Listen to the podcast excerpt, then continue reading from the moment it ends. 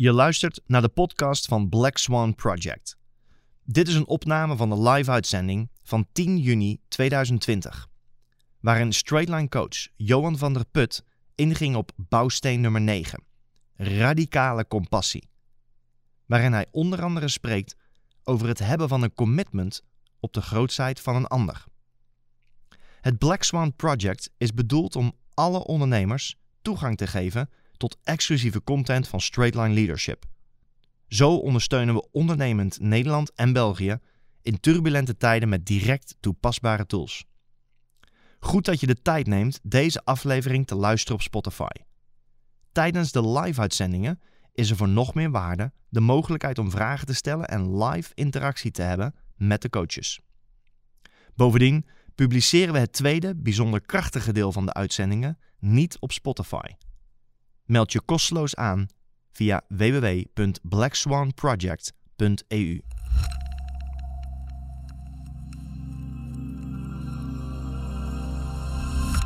Een hele goede avond en een bijzonder welkom bij aflevering nummer 29 van ons Black Swan project. We gaan door vandaag met bouwsteen nummer 9. Wij gaan het hebben over radicale compassie. Ik denk dat dit een van die distincties is die ik, eh, die ik zelf leerde kennen, jaren geleden.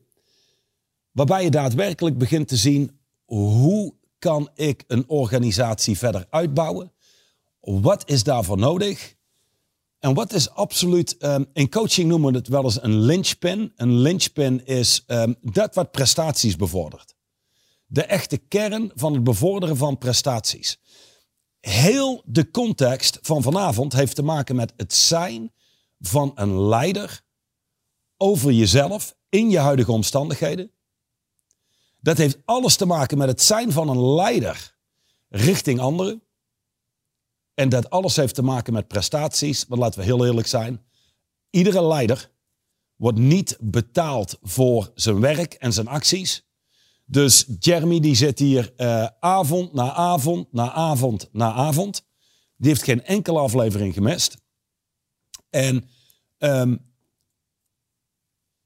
hoe goed die jongen ook is, hoezeer we dit spel ook uh, voluit spelen, er zijn altijd zaken die misgaan. Er zijn altijd zaken die kunnen verbeteren. Hij komt iedere keer opdagen.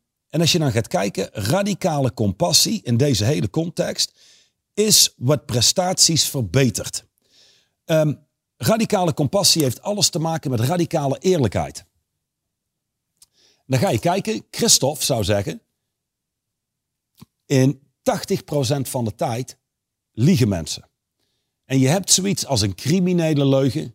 Dit zou zijn, ik gok dat uh, Karsten online is. Stel, uh, Karsten breekt vanavond ergens in. Die uh, jat daar de kassa leeg. Die neemt nog wat spullen mee uit de vitrine. Dit is de nieuwste hobby van een aantal mensen in Amerika, heb ik vernomen. Ook in Brussel trouwens zijn ze daarmee bezig. En vervolgens wordt hij gesnapt op camera. En hij wordt geconfronteerd. Ben jij dit, Karsten? En dan zegt hij, nee, nee, absoluut niet. Ik heb hier niks mee te maken. Dit was ik niet, dat was een ander. Dat is een criminele leugen. Maar dit zijn wat subtielere leugens die mensen vertellen. En die hebben allemaal te maken met er goed uit willen zien. Dat betekent dat als jij in een organisatie werkt en jij bent de leider van die organisatie. Een leider is verantwoordelijk om zichzelf en een groep mensen van A naar B te bewegen. A is de positie waar je jezelf nu bevindt. B is waar je naartoe aan het bewegen bent met je bedrijf. Dat is dat punt in de toekomst. Wat versnelt de weg van A naar B is een hele krachtige, radicaal eerlijke A.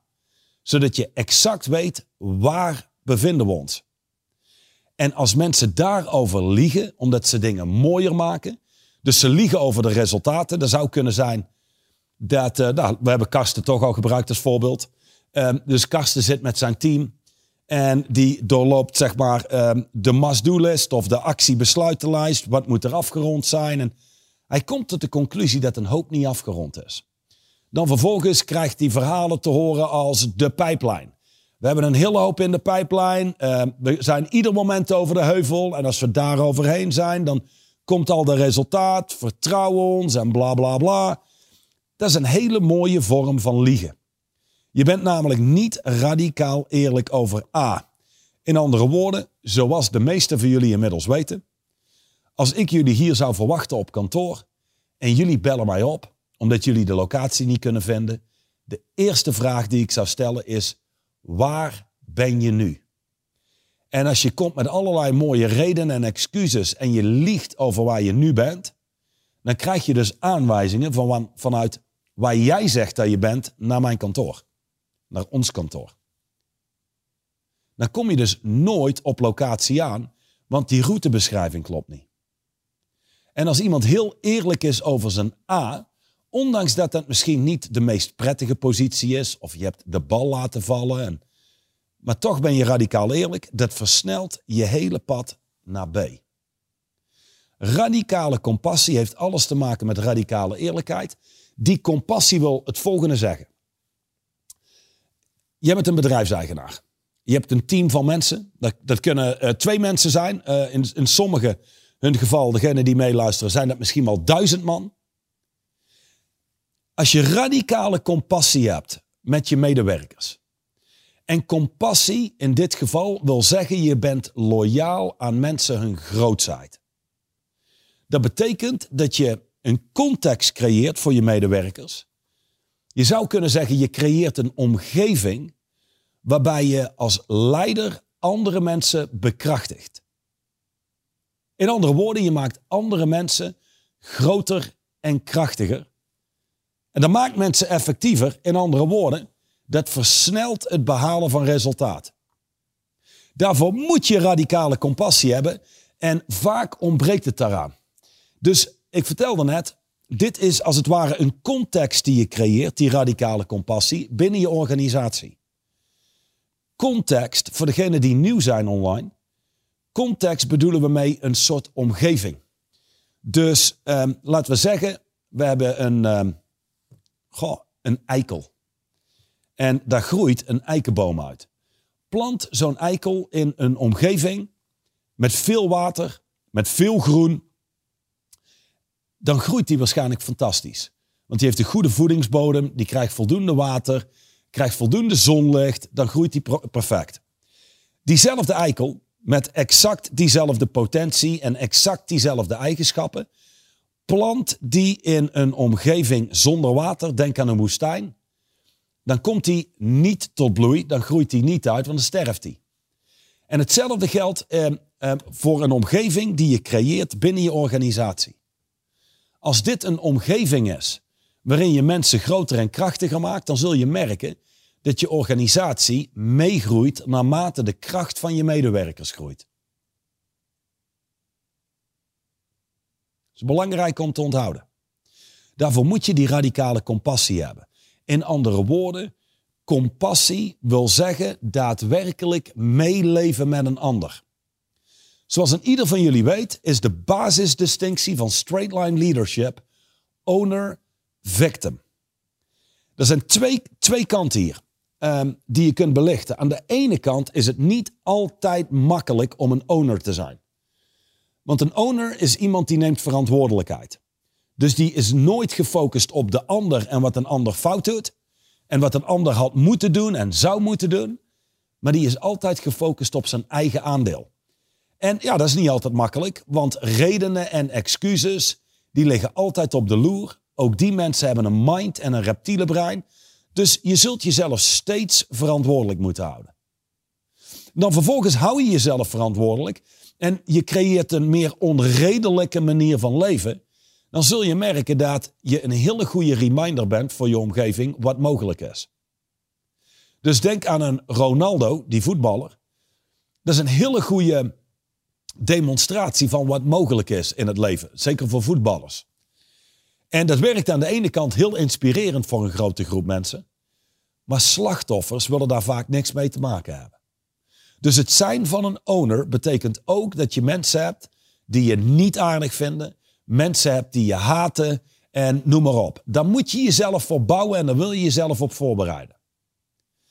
Aan de andere kant is het nog steeds zwaarder om een victim te zijn, want dan ben je namelijk altijd het gevolg van je omstandigheden, het gevolg van je gevoelens en je emoties en je verhalen. En dat betekent dus dat je eigenlijk nooit echt intentioneel iets creëert in het leven, maar als een soort van speelbal van omstandigheden probeer je zeg maar zo goed en zo kwaad als het gaat door het leven heen te bewegen. Dat is een nog pittigere manier van leven als je het mij vraagt. Nou, die radicale compassie betekent als jij iemand ziet lijden, als jij ziet dat iemand worstelt, en laten we eerlijk zijn, victims, slachtoffers, die worstelen nogal in het leven. En iemand die komt vanuit compassie, is nooit gefocust, en dit is belangrijk, is nooit gefocust op mensen redden. Een van de dingen die typische life coaches doen, en een typische life coach is niet iemand die een business heeft gemaakt van coaching. Dit is iemand die over het algemeen een partner heeft die het geld verdient. Zelf wel wat geld binnenbrengt en af en toe een coachingscliënt heeft. Niet bijzonder goed is in coaching, dus vrij matige skills. Je zou kunnen zeggen vaak amateurpsychologie, amateurpsychologen. En het grote ding bij de meeste life coaches is dat ze niet komen vanuit radicale compassie, maar eigenlijk alleen maar beter zijn eh, of eigenlijk alleen maar gefocust zijn op slachtoffers, zichzelf beter laten voelen over het feit dat het slachtoffers zijn. Dat is geen radicale compassie. In coaching noem je dat terughoudendheid in coaching. Dat betekent you're being an asshole. Dat betekent dat je mensen laat worstelen in het leven en in dezelfde cirkels laat draaien, in plaats van dat je ze doorbreekt. Dus hoe ziet dit eruit? Ik heb dit voorbeeld denk ik wel eens gegeven, maar dit is toch een klassieker. Dus ik geef hem nog een keer. Voor degenen die hem al kennen, luister alsof dit de eerste keer is dat je hem hoort, zodat je voor jezelf kunt gaan zien hoe pas ik dit zelf toe. Goed, inmiddels zijn jullie allemaal bekend met Christophe. En Christophe is getrouwd met Svetlana en heeft een zoon, Michael. Is 4,5 maand oud, uh, is ongeveer net zo groot als een gemiddelde baby of peuter van een jaar oud. Groeit als kool. Um, hij loopt nog net niet, maar dat zal ook nooit lang duren. Nou, um, volgende voorbeeld. Dit is overigens uh, niet uit het leven gegrepen voordat jullie massaal Christophe allerlei berichten gaan sturen met... Och, jongen, gaat het wel met je? Dus dit is verzonnen. Christophe wordt gedumpt door zijn vrouw Svetlana. En die neemt Michael bij hem weg en hij zit zielsaleen in zijn villa in België. En Tommy en ik, als uh, ja, fantastische collega's, vrienden, komen op een zaterdagmiddag op bezoek bij Christophe. En het gaat niet zo heel goed met Christophe. Hij is net verlaten door zijn vrouw. Hij ziet zijn zoon niet meer, Michael. Hij was net zijn trotse papa. Dus hij heeft het wat moeilijk. Dus wij komen netjes opgereden bij hem. Eerst die zeven kilometer lange oprijlaan. Vervolgens heb je nog twee kilometer naar zijn voordeur. We bellen netjes aan. En Christophe doet open. En hij is al iets anders dan normaal. En hij zegt, jongens, ga lekker zitten. Ik uh, pak iets te drinken voor jullie. En uh, wij gaan zitten, Tommy en ik. En Christophe komt aan met uh, een fles champagne. Het is één uur s middags. En hij zegt, jongens, we gaan er eens flink van genieten. Het is weekend. En ik kijk zo naar Christophe. Tommy kijkt naar Christophe. We kijken naar elkaar. En Tommy zo naar Christophe. Die zegt, Christophe, heb jij nou al gedronken? En valt ook echt op. Het is duidelijk, hij is al, al aangeschoten. Hij heeft al gedronken. Het is zaterdagmiddag, 1 uur. is toch niet normaal? Nou goed, en hij gaat vervolgens zitten. Hij drinkt nog meer. En Tommy zo, Chris, en hoe gaat het eigenlijk met je?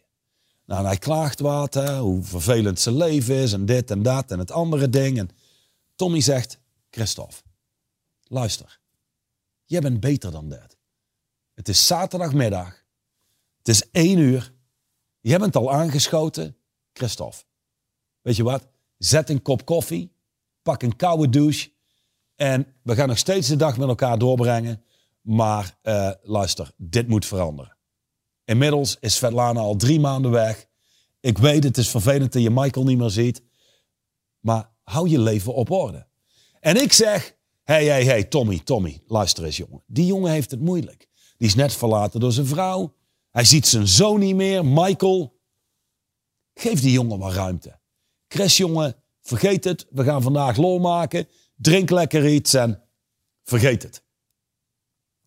Wie is dan de beste vriend? Tommy of ik?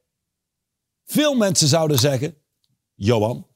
Johan, want die beschermt hem een beetje en geeft hem wat rust. En ah, je moet je vriend ook gewoon even lekker gewoon zichzelf kunnen laten zijn en bla bla bla. En meer van dat soort redelijke zaken. Nu, als je gaat kijken, wat is het meest werkbaar? Wie is er loyaal aan Christophe zijn grootheid? Wie heeft een radicale compassie? Dat is Tommy. Want Tommy neemt de standpunt in. Chris, jij bent beter dan dat. en ik, weet, ik ken jouw situatie. Ik snap hoe vervelend het is. Maar drinken op zaterdag om 1 uur s middags, dat lijkt me niet echt het beste idee. Je, je noemt dit uh, uh, op, zijn, op zijn Engels ook wel tough love. Dat betekent, dit is een daad vanuit liefde. En dit kan wat confronterend zijn en vervelend zijn om te horen. Maar uiteindelijk helpt het hem. En uiteindelijk, als je kijkt, ik ben loyaal aan zijn kleinheid. Ik geef hem eigenlijk de ruimte om te blijven verzwelgen in zijn eigen verdriet. En ik geef hem de ruimte om een slachtoffer te blijven. Nu, zoals een ieder van jullie inmiddels al lang gemerkt heeft, je kunt mensen niet veranderen. Je kunt mensen ook niet dwingen om te veranderen. Het zijn geen slaven waar je mee te doen hebt. Een slaaf kan een verzoek niet afstaan of afslaan. Dus het enige wat je kunt doen is mensen uitnodigen om geen slachtoffer te zijn, meer verantwoordelijkheid na te nemen over hun leven en vanuit daar een krachtiger leven te leiden. Nu, dit heeft alles te maken met pleasing versus serving. Dit is hoofdstuk 34 in het Nederlandse boek, pagina 137. Lief en aardig versus vriendelijk. En ik hoef eigenlijk maar één alinea te lezen om daarop verder te borduren. Dit haal ik rechtstreeks uit het boek, wat een ieder van jullie gratis heeft kunnen downloaden. Mijn ervaring is dat de meeste mensen het eh, downloaden, maar niet helemaal lezen. Hebben weinig doorzettingsvermogen, weinig uithoudingsvermogen om, uh, om daadwerkelijk de diepte in te gaan. De meeste mensen komen voor goed klinkende informatie en geven me dat ene ding wat mijn hele business omdraait. Over het algemeen bestaat dat niet. Dit is ook radicale compassie. Gewoon, je zult het zelf moeten doen. De meest effectieve mensen die ik in mijn leven heb ontmoet, waren direct, hoffelijk, genereus, zorgzaam en aan de andere kant ongelooflijk eerlijk tegen zichzelf en anderen. Dit staat niet in het boek wat ik nu zeg, maar de meest makkelijke persoon om voor de gek te houden ben jezelf. En mensen houden zichzelf voor de gek.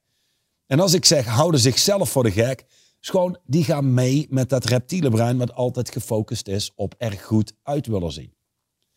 In andere woorden, vaak liegt het en verdraait de dingen zodat we er goed uitzien.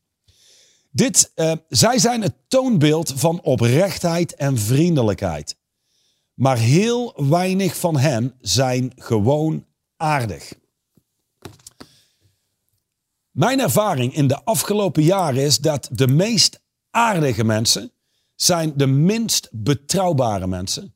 De meest aardige mensen, um, aardige mensen in het, in het Engels nice, nice people. Over het algemeen is dat niks anders als een act, een compensatie voor alle bullshit die je normaal met ze uh, te doen krijgt. Dus vaak is het een act om eigenlijk te verbergen wie ze in werkelijkheid zijn. Duchan zou zeggen, wel, en dit is heel direct, dus dit zou hij zeggen in één op één coaching tegen mij. Misschien niet zozeer in een, in een Black Swan uitlevering, aflevering zoals dit. Maar hij zou waarschijnlijk iets zeggen als... The biggest sleazebags I've ever met in my life were the nicest people on the planet. And that niceness was a way to cover up their bullshit. Dus dat hele aardige is een manier om te verbergen wat je allemaal aan de achterkant doet. Dus wat zijn de mensen waar je over het algemeen het meeste aan hebt in je leven, zijn vaak niet de meest aardige mensen. Het hoeven ook geen klootzakken te zijn of hele onaardige mensen. Maar het zijn geen mensen die in eerste instantie heel erg bezig zijn met aardig gevonden worden. De meest waardevolle mensen die je in je leven gaat ontmoeten, dat zullen mensen zijn die je hele eerlijke feedback geven. En dat betekent eerlijke feedback geven, betekent dat je iets eh, zult moeten benoemen wat, of niet in alle, in alle gevallen, maar vaak zul je iets moeten zeggen tegen iemand, feedback moeten geven, wat hij misschien liever niet hoort. In coaching, gelukkig niet al te vaak, maar soms in coaching gaat het er echt bloederig aan toe. En met bloederig betekent dat je mensen hele directe en confronterende feedback geeft. Echt high-end coaching, daar ben ik heel eerlijk in. Wij hadden een van die eerste Black Swan afleveringen, ik geloof 800 mensen online of zo. En ik weet al, als ik daadwerkelijk radicaal eerlijk zou zijn, ik denk dat 400 mensen van de 800 eh, de helft van de aflevering niet eens gehaald hebben. Omdat als je eerlijk gaat zijn, de meeste mensen horen liever een comfortabele leugen als gewoon radicale eerlijkheid. Waarom? Omdat een comfortabele leugen is wat minder pijnlijk dan, dan die radicale eerlijkheid. Het ding is wel dit, als je liegt tegen mensen of je bent aan het pleasen, dus je zegt wat mensen willen horen, ja, dan kunnen ze nooit correcties maken, dingen anders gaan doen. Dus die radicale compassie, die radicale eerlijkheid, mensen voorzien van radicaal eerlijke feedback, beweegt je bedrijf vooruit. En inmiddels weet je, heb je een aantal distincties. Je kunt mensen feedback geven over het feit dat ze beloftes afgeven en het niet doen. En jullie kennen de distinctie tussen een krachtige belofte en een zwakke belofte. En daar kun je mensen radicaal eerlijke feedback over geven. Fred, je zou vandaag X, Y en Z afgerond hebben. Is dat gedaan? Uh, nee, want zus, zo, dit, dat en het andere ding. Oké. Was dit een krachtige belofte of een zwakke belofte? Nee, nee, dit was een krachtige belofte. Maar, bla bla. En na maar kun je eigenlijk stoppen met luisteren. Uh, het doet er eigenlijk niet toe. Vervolgens kun je radicaal eerlijk teruggaan naar Fred. Dit is exact wat ik bedoel. Jij maakt van een zwakke belofte in jouw hoofd een krachtige belofte. Maar een zwakke belofte in je hoofd veranderen in een krachtige belofte maakt het nog geen krachtige belofte. Dit was nog steeds een puikstaaltje zwak werk. Dus mijn verzoek is om voortaan krachtige beloftes te maken. Nou, dat is eerlijke feedback. Dat is zelfs essentiële feedback. Krachtige leiders hebben namelijk allemaal één ding gemeen. Die zijn nog steeds hoffelijk. Je zou kunnen zeggen gepast. Je hoeft eerlijke feedback niet op een botte manier te geven. Of dit is geen vrijkaartje om um, ongepast te zijn. Je kunt hoffelijk zijn, gepast zijn en radicaal eerlijk. En ondanks dat mensen dat wellicht niet direct prettig vinden, zijn ze je achteraf in de meeste gevallen dankbaar.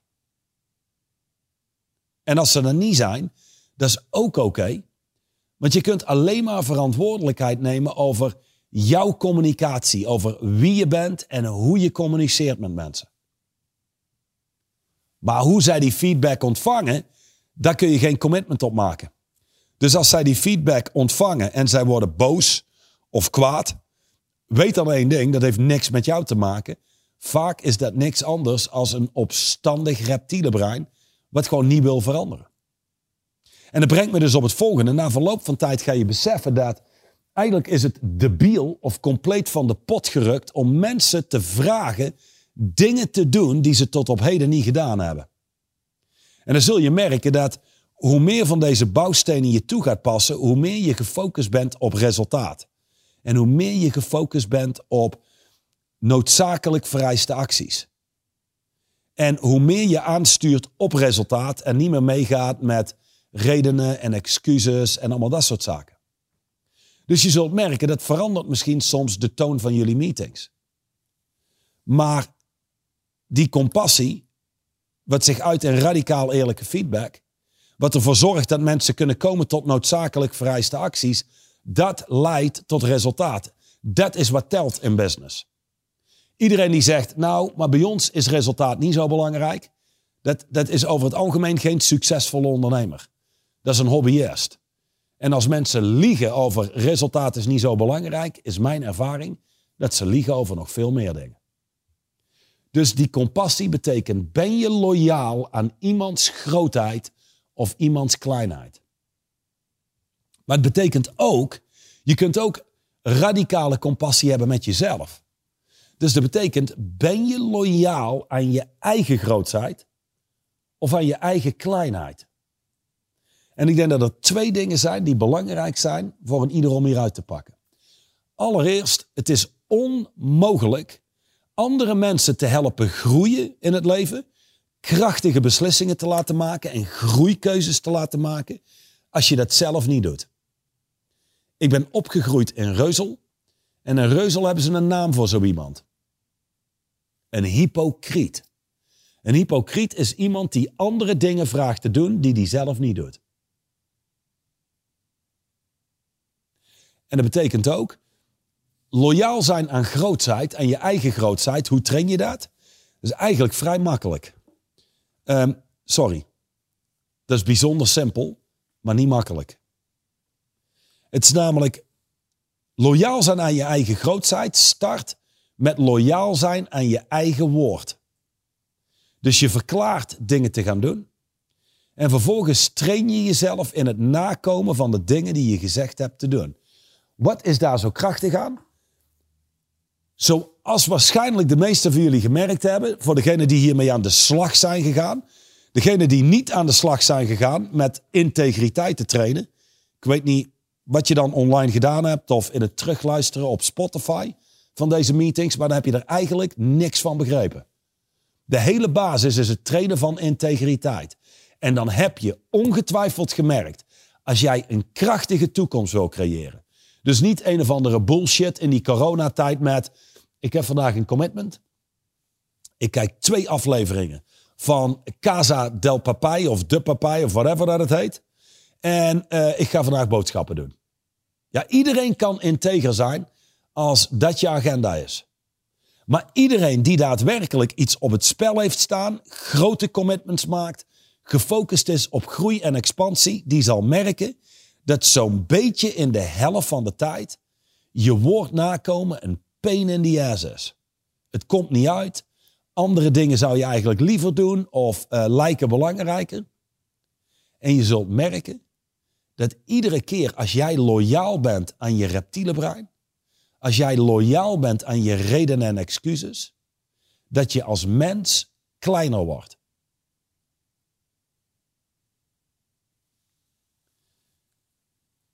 Als ik met iemand een afspraak maak, ik ben natuurlijk getraind in het lezen en het, en, het zien van inner stances. Dus ik word ook niet meer zo verrast als iemand een belofte maakt en hem niet nakomt, want in de meeste gevallen had ik dat al ingeschat op voorhand. En dat betekent ook dat je er eigenlijk op voorhand al iets aan kan doen en wat pushback kunt geven om te zorgen dat iemand echt nadenkt voordat hij een belofte doet. Wij hebben op Thrive een heel krachtig artikel, geschreven door Kaya in een interview met Tom Lambert. En het artikel heet Belofte maakt schuld. Tom Lambert runt een organisatie met ongeveer duizend medewerkers. Met ongeveer qua omvang, dan weet je een beetje wat daarin omgaat, een 800 miljoen aan omzet. Zijn organisatie wordt volledig getraind en bevindt zich in de context krachtige beloftes maken. Belofte maakt schuld. Als je zegt dat je iets doet, dan zul je alles binnen je menselijke macht moeten doen om dat te doen. En dat betekent, je traint integriteit. En dat betekent, je traint jezelf in het maken van krachtige beloftes. Want zoals jullie weten, je leven en je organisatie werkt naarmate dat wat je zegt en dat wat je doet overeenkomen. Dus Jeremy zit nu hier Iedere maandag en iedere woensdag. En het was eerst maandag, woensdag, vrijdag. En vervolgens belde zijn vrouw, Nadia, fantastische dame, die belt op. Jeremy, we hebben nog niet gegeten thuis. Doe jij boodschappen en neem je wat pasta mee. Jeremy is bezig en druk bezig. En die, goh, rijdt naar huis, komt thuis. Nadia vraagt, en heb je boodschappen gedaan? En Jeremy, ach, vergeten. Dat is niet integer. Dat was een zwakke belofte, was geen krachtige belofte. Nu, als dat een keer voorkomt, ik ken Nadia, no problem. Maar als dit opnieuw en opnieuw en opnieuw gebeurt, dan weet ik wat er gebeurt. Dan vertrouwt Nadia Jeremy niet meer. En dat is logisch, want ze kan niet bouwen op hem. En dat is exact niet wat in het huwelijk van Jeremy afspeelt, maar wel bij de meeste bedrijven. En ik zou zeggen dat uh, als ik een gok moet doen, zo'n beetje de helft van de afspraken niet nagekomen worden. Als er, zoals jullie weten, überhaupt sprake is van afspraken. Maar dat lees je in een boek. Afspraken versus verwachtingen. Dus die loyaal zijn aan grootheid betekent eigenlijk loyaal zijn aan je woord. Als je niet loyaal bent aan je woord, ben je vaak loyaal aan je gevoel. En dan doe je wat goed voelt.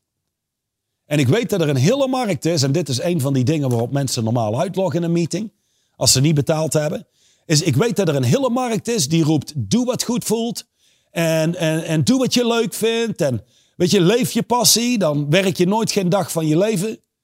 En iedere succesvolle ondernemer, die zou lachen en die zou denken, yep, dit is typisch de tekst van zwakke lui van mensen die een hobby runnen. Dit zijn nooit, zelden succesvolle mensen. En waarom?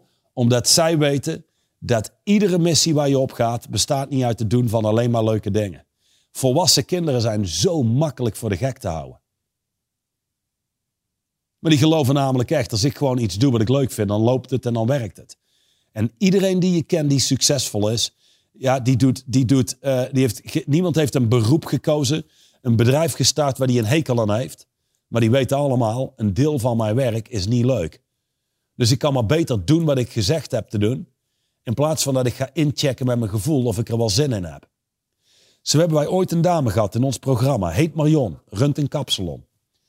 En die kwam ogenschijnlijk. En ik denk dat ze het idee had dat ze kwam met een observatie. Die ja, misschien niet heel krachtig is, maar voor mij werkt het. Ze, ze, ze vertelde het een beetje terughoudend misschien. Maar ze zei, weet je, uiteindelijk, nu zit ik drie maanden of zo in het programma.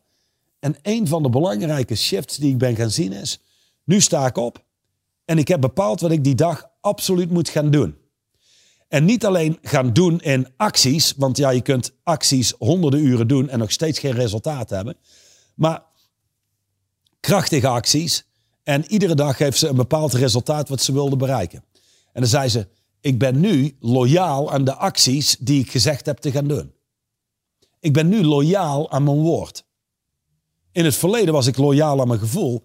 En heel eerlijk, zei ze, een hele hoop dagen kom je eigenlijk nauwelijks tot iets. Want ja, heel eerlijk, je gevoel komt eigenlijk zelden overeen met een soort van, we gaan de wereld overnemen en ass kicken. Dus ze zei, ik krijg een stuk meer gedaan.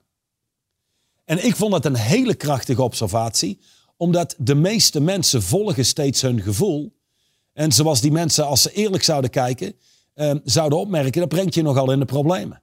Het maakt je nogal onbetrouwbaar. Maar laten we eerlijk zijn, in heel veel gevallen voelt het niet echt goed om bepaalde acties te ondernemen. Zeker als het krachtige acties zijn. Of denk aan het volgende, dit is het tweede wat belangrijk is. Zodra je loyaal bent aan je eigen grootheid. Pas dan en dan alleen kun je loyaal zijn aan de grootheid van anderen. Anders ben je een hypocriet. Of zoals Duchan zou zeggen, gewoon een asshole. Dan zeg je en vraag je andere dingen te doen die je zelf niet doet. Dus eerst komt loyaal zijn aan je eigen grootheid. Vervolgens kun je loyaal zijn aan de grootheid van anderen. En dat betekent dat je ze eerlijk feedback geeft. En vanuit die eerlijke feedback kunnen zij correcties gaan maken. Nu, ik zei jullie dat straks. Je wil mensen niet vragen om te doen wat ze tot op heden nooit gedaan hebben. Dus als iemand tot op heden geen krachtige beloftes maakt, dan wil je hem niet vragen om dat nu wel te doen. Maar Johan, wat vraag ik mensen dan wel te doen? Je vraagt mensen te zijn wie ze tot nu toe nog nooit geweest zijn, zodat ze kunnen doen wat nodig is. Dat is een hele andere context waar je vandaan komt. Bij het ene zou even een simpel voorbeeld. Stel je hebt een slachtoffer. En een slachtoffer is iemand die probeert verantwoordelijkheid te ontlopen. En die probeer je verantwoordelijkheid te laten nemen over een bepaald specifiek doel. Dan probeert hij altijd als een slang dat, dat, dat, dat eigenlijk een beetje onderuit te komen. Dan ga je niet vragen om een krachtige belofte te maken. Je gaat iemand vragen op te reizen, zichzelf te creëren als gewoon een owner, iemand die verantwoordelijkheid neemt en die dingen gewoon gaat doen. Wat hij gezegd heeft te doen. Ben je bereid om dat te doen? Om, ben je bereid om iemand te zijn die krachtige beloftes maakt? Dat is iets heel anders. Ik weet dat sommige mensen denken dat dit een soort van truc is. Maar dit shift de complete context binnen de meeste organisaties. Want daar is geen context waarin, waarin we loyaal zijn aan elkaars grootheid. Waarom niet? Omdat je moet stoppen te pleasen. Je kunt niet meer alleen maar zeggen wat mensen willen horen of leuk vinden om te horen. En als je komt met feedback, zo lang wachten dat je alles opkropt en over de zijk bent en ongepast feedback geeft. Dat is allemaal voor amateurs. Professionals zijn radicaal eerlijk en die kunnen zeggen: Joe, de afgelopen maand heb jij vier beloftes gemaakt. Drie daarvan ben je niet nagekomen. Dan maakt jou, los van dat ik je een leuke kerel vind, maar dan maakt je heel onbetrouwbaar. In andere woorden, als dit is wie je bent, is er geen ruimte voor jou binnen de organisatie. Sterker nog, ik zeg het je, want binnen geen één echte organisatie is er ruimte voor iemand waar je niet op kunt bouwen. Als je iets nodig hebt van me om je afspraken na te komen, laat het me weten en dan sta ik zeker voor open. Ik ben er om je vooruit te helpen. Maar jij zult jezelf moeten creëren als iemand die zegt wat hij gaat doen en doet wat hij gezegd heeft te doen. En dat betekent, denk op voorhand eens een keer na, voordat je een belofte maakt, ben ik überhaupt bereid om dit te doen? Dus dit heeft alles te maken met een commitment maken op de grootsheid van mensen. Goed. Ik ga even kijken. Heb ik nog iets gemist wat ik wel wilde delen voordat ik jullie ga vragen om vragen te stellen? Ja, je wil kijken exact waar ben ik loyaal aan? Aan iemands grootheid? Aan mijn eigen comfort? En geef ik feedback met een gouden handschoen? Of in cryptische taal, zodat ik eh, hoop dat ze het misschien zelf oppikken? Allemaal voorbeelden van, van zwakke leiders. Of ja, het zijn geen leiders. Even kijken. Ja, loyaal zijn aan uh, uh, mensen die slachtoffers zijn. Of een slachtoffermentaliteit hebben, is niks anders als. Dan ben je zelf klein en onethisch. Dat betekent, je houdt je eigen onwerkbare cirkels in stand. Dus krachtige leiders, die, die maken andere mensen krachtiger. En dat doe je door middel van feedback. Dat doe je door mensen terug te geven wie ze zijn en hoe ze handelen en hoe ze leven. En vervolgens nodig je ze uit om andere keuzes te maken. Je kunt ze toch niet dwingen. Dan nog één keer kijken of ik verder nog iets gemist heb. Waar Reinoud van zegt: Johan. Nee. Nee, ik heb zo, uh, zo'n beetje alles doorgenomen. Dat brengt me op de opdracht. De opdracht is: lees hoofdstuk 34. Lief en aardig versus vriendelijk. Schrijf eens op. En dit, dit, ik weet dat de meeste mensen dit niet doen. Dit is radicale eerlijkheid. Ik weet, um, mensen horen dit. Dit klinkt goed. Zou ik eigenlijk moeten doen. De meeste mensen doen het niet. Ik kan je garanderen, degenen die dit wel doen, kunnen daar heel veel baat bij hebben en zullen een aantal shifts maken. Schrijf op.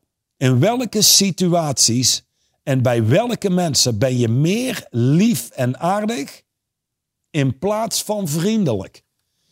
In andere woorden, waar ben je zwak en terughoudend in je communicatie met anderen? Als je kijkt naar bijvoorbeeld zo'n Christophe Kuppes. Dus die jongen is 30 jaar oud.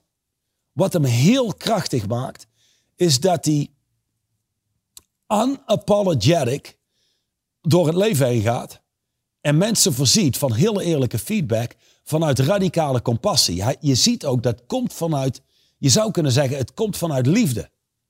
Ik heb hem wel eens gesprekken zien hebben met mensen waarbij ik dacht, oeh, dit is pijnlijk. Maar als iemand de ballen heeft om hier naar te kijken, naar de feedback die hij geeft, dan transformeert iemands leven. En het beste wat je kan doen voor een ander is een standpunt innemen voor wie iemand zou kunnen zijn. En krachtige leiders ondersteunen mensen in steeds grotere en krachtigere mensen worden. En weet één ding, hoe kan ik dit nou netjes zeggen, maar kleine mensen, zwakke mensen, wat je me niet hoort zeggen is slechte mensen, want dat is het niet. Maar kleine mensen, zwakke mensen kunnen grote mensen worden, krachtige mensen worden, door groeikeuzes te maken en krachtige beloftes te maken. Dat betekent, je bent heel onredelijk in je woord geven en je woord nakomen. Eén voorbeeld tot slot. Ik heb één cliënt. Ik moet het een beetje zo vormgeven dat ik niet te veel prijs geef. Ik heb één cliënt ehm, die volgt bokslessen. En nou goed, dat doet hij met een heel aantal mensen. Op een gegeven moment ontstaat daar een discussie tussen twee mensen. En de ene roept, oh wij gaan een bokswedstrijd hebben. Wij gaan een bokswedstrijd hebben. Maar dit zijn amateurs. Die hebben uh, waarschijnlijk nog nooit tijd in een ring doorgebracht. Nooit een wedstrijd gedaan. Alleen maar met amateurs gespart, weet je wel. Dus dit is amateursport en daar zitten ze onder. Doen dat gewoon voor de gezelligheid en fit en vitaal te blijven. Zoals ik ook box. Nou, dus er komen woorden en, en die, die, die ene man zegt tegen de ander, luister, wij gaan een bokswedstrijd hebben en weet je, uh, ik sla jou knock-out. En, en ik ben er zo van overtuigd dat als dat niet gebeurt, dan krijg jij mijn auto. En dat was geen auto, uh, geen Dacia Duster, maar een auto van ongeveer 200, 250.000 euro. Nu, vervolgens begint een van die twee als een gek te trainen. Niet degene die zijn auto op het spel zet, maar die ander. Dat begint echt een beest te worden. Nou, die ander krijgt het een klein beetje heet onder zijn voeten. Dus eigenlijk begint hij zich terug te trekken. Dus het was geen krachtige belofte, dit was bullshit. Vervolgens hebben ze wel een soort van wedstrijd. En dit eindigt in gelijkstand en geen auto die weggegeven wordt, uh, maar een schaalmodelauto.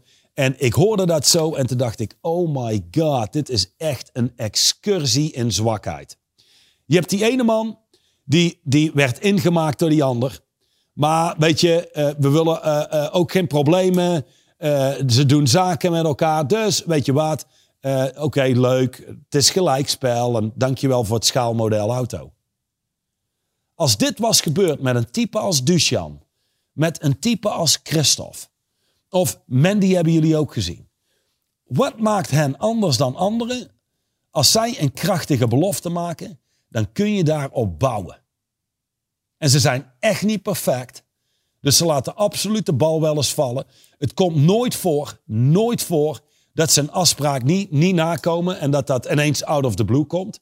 Zodra zij zien dat ze een afspraak niet nakomen, dan lichten ze meteen alle betrokken partijen in. Maar die zullen doen wat ze gezegd hebben te doen.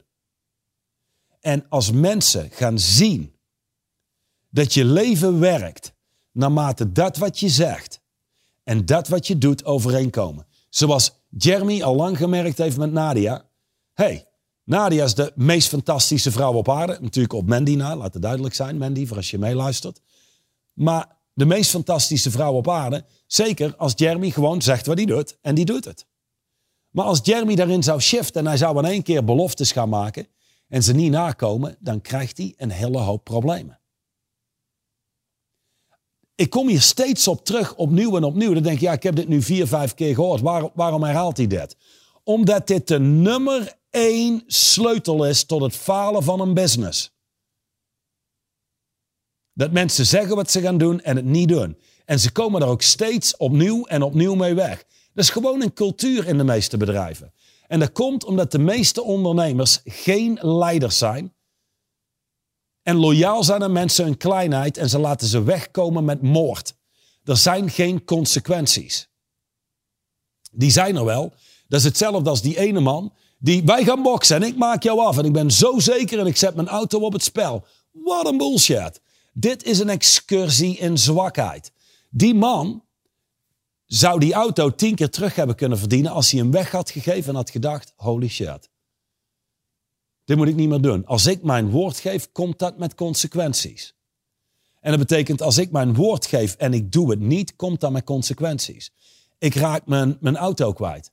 Maar in jullie organisaties, en hetzelfde geldt voor zijn organisaties, iedere keer als jij je woord geeft en je woord niet nakomt, word je als mens kleiner, kun je minder impact maken, dan kost dat resultaat. Lees geld. Dus iedere keer als je beloftes doet en ze niet nakomt, kost dat geld. Dus als wij werken met cliënten en die zeggen: Johan, Jeremy, ik voel me echt krachtiger. Dan is mijn eerste vraag: Oké, hoe weet je dat? En dat heeft nooit iets te maken met gevoel. Dat heeft te maken met dat ze zien aan de resultaten in hun leven dat ze krachtiger zijn geworden. En wat maakt mensen krachtig? Dat ze doen wat ze gezegd hebben te doen. Dat is de nummer één training. Goed. Dat was de content van vandaag. Voor degenen die iedere aflevering volgen en degenen die nieuw zijn. Dit, deze meeting was mooi en allemaal nice en dandy, maar het echte werk begint nu pas. De dingen die ik doorgenomen heb toe te passen, dat betekent verstevig je beloftes. Ben loyaal aan je woord. Ben loyaal aan je grootheid. En als je beslissingen maakt, stel jezelf eens de vraag. Ben ik, als ik deze beslissing maak, loyaal aan mijn grootheid? Of loyaal aan mijn kleinheid? Of als je spreekt met medewerkers en je ziet jezelf pleasen. Ben ik loyaal aan de grootheid van een ander? Of ben ik loyaal aan zijn kleinheid? En daar shifts in maken, laat je organisatie groeien. Daarmee komen we aan het einde van podcast-uitzending 29 van Black Swan Project. Is Black Swan Project waardevol voor je en wil je toegang tot het gehele product, waaronder krachtige artikelen, straightline reminders, het straightline boek en Black Swan Project live coaching? Schrijf je dan kosteloos in op www.blackswanproject.eu.